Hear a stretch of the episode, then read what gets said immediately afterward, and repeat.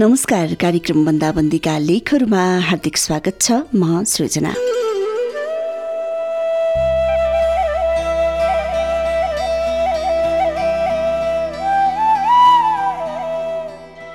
विदेशी भूमिमा एउटा आस मारेको जिन्दगी। आस मारेको जिन्दगीमा केही थान खुसी त्यो परिस्थितिमा कस्तो अनुभव हुन्छ होला? त्यही अनुभवका विषयमा कुराकानी गर्छौँ आजको कार्यक्रम बन्दाबन्दीका लेखहरूमा। सन्तोष लुइटेल किन्सुले लेख्नु भएको जय कोरोना शीर्षकको लकडाउन डायरी आजको कार्यक्रममा।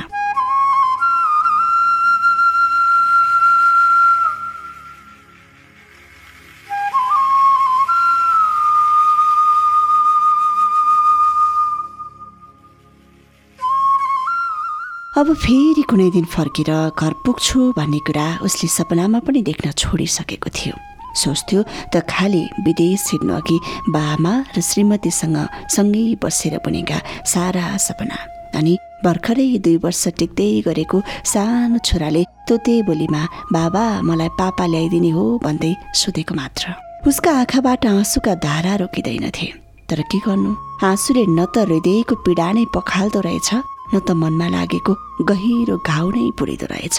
यति साना आँखामा पनि कति धेरै आँसु अटेका रहेछन्। जति बगाए पनि कहिल्यै नसिद्धिने यस्तै सोचाइका साथ उसले घरको याद र आँसुले भोक प्यास मेटाउँदै दिन बिताउन थालेको पनि छ महिना बित्न लागिसकेको थियो।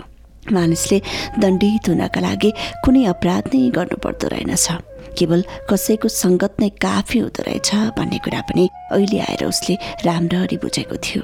ठुला ठुला सपना बोकेर घरबाट बिदा भई विदेश पुगेको छ महिना हुँदै लागेको थियो। एक दिनको शुक्रबार सबै साथीभाइ मिलेर रमाइलो गरिरहँदा क्याम्पसमा सानो कुरालाई लिएर झगडा भयो। त्यस झगडामा ऊ कुनै पनि रूपमा सहभागी नभए पनि झगडा गर्ने उसका साथीहरू थिए।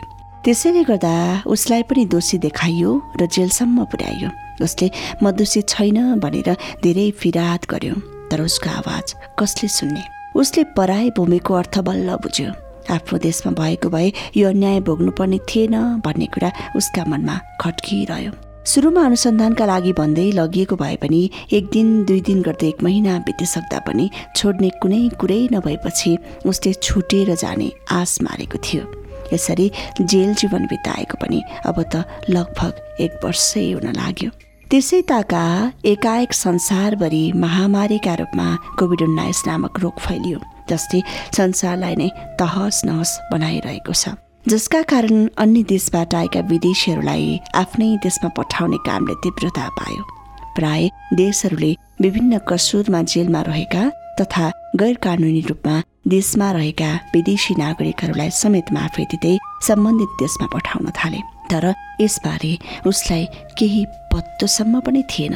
भनोस् पनि कसले र ऊ त एक कसुरदार ठहरिएको कैदी न थियो जेलमा बेला बेलामा चौकीदारले रिसाउँदै अब तिमीहरूको जिन्दगी यही जेलमा सर्छ भनेको भन्दा अरू केही सुन्न पनि पाएको थिएन।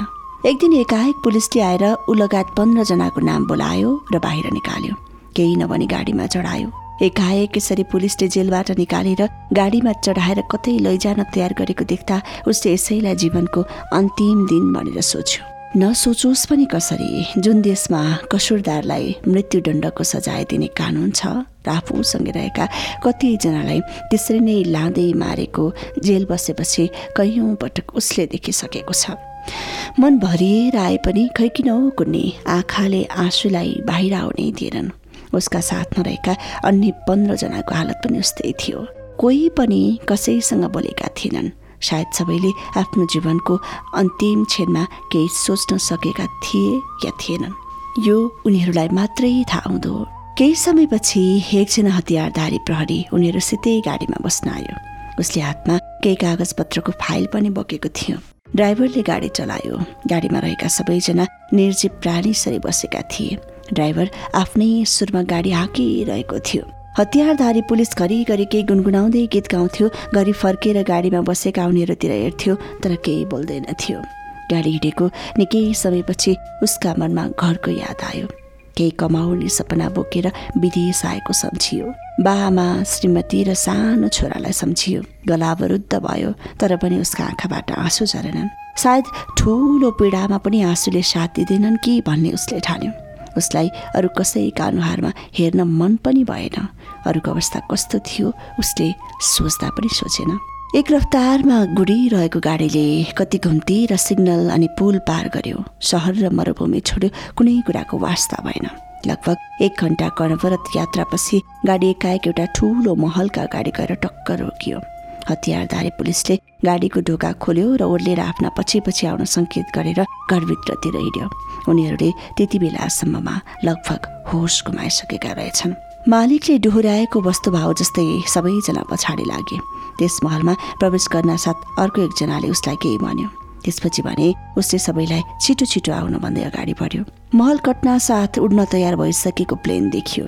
हतियारधारीले हातमा राहदानी दिँदै प्लेनतिर जान हतार लगायो। यो सब भइरहँदा उसले न त कुनै खुसीको अनुभव गर्न सक्यो न दुःखले रुन नै। यतिखेर उसको अवस्था ठुलो दुर्घटनामा बल्ल तल्ल बाँचेको घाइतेको होस खुल्दा चाहिँ रहेको थियो। लगभग तिन घन्टाको यात्रापछि ऊ आफ्नो देशमा आइपुग्नै लागेको थियो। यति लामो यात्रामा पनि ऊ कसैसँग बोलेन न त निधाउन नै सक्यो। सबैजना कोही निन्द्रामा मस्त थिए त कोही गफमा व्यस्त थिए तर ऊ एकहोरो टोलाइरह्यो बिस्तारै प्लेन अवतरण भयो। सबैजना उत्रन तयार भए। सबैमा उत्साह जागेको थियो। सबैजना एकअर्कालाई बधाई दिइरहेका थिए। यति बेला उसलाई पनि भित्रैदेखि फरक अनुभूति भइरहेको थियो। भित्रैदेखि रौँ रौँ लागिरहेको थियो। उसले पनि अरूसँगै मन नलागी नलागी भए पनि थोरै रुन्ची हाँसो हाँस्दै सँगै आएका साथीलाई बधाई दिँदै भुइँमा उर्लियो जमिनमा पाइला टेक्न साथ उसलाई खै के भयो भयो? केही सोच्न नै सकेन। भित्रैदेखि रोदनको आँधी उर्लेर आयो। आँखाबाट आँसुको बेल छुट्यो। एकाएक डाको छोडेर रुन थाल्यो। आफ्नो भूमिमा पाइला टेक्दै गर्दा उसका पराईका काखमा त्रासका बीच रहेको बालक एक्कासी आमाको काखमा पुग्दाको जस्तै अनुभव भयो। त्यही भुइँमा कोप्टो परेर मनका सारा दुःख पीडा डर त्रास पखालिने गरी गुक्क गुक्क गर्दै रुन थाल्यो। आफ्नो देशको भूमिलाई ढोकेर चिच्यायो। जय देश जय कोरोना। ठुलो पीडामा आँसु बगाउन पनि आफ्नै भूमि चाहिँदो रहेछ भन्ने सोच्दै एकछिनपछि हुजुरुक्क उठ्यो र हलुका मन लिएर गालाबाट बग्दै गरेका आँसु पुस्दै बाटो लाग्यो। सबैजना उसैलाई हेरिरहेका थिए।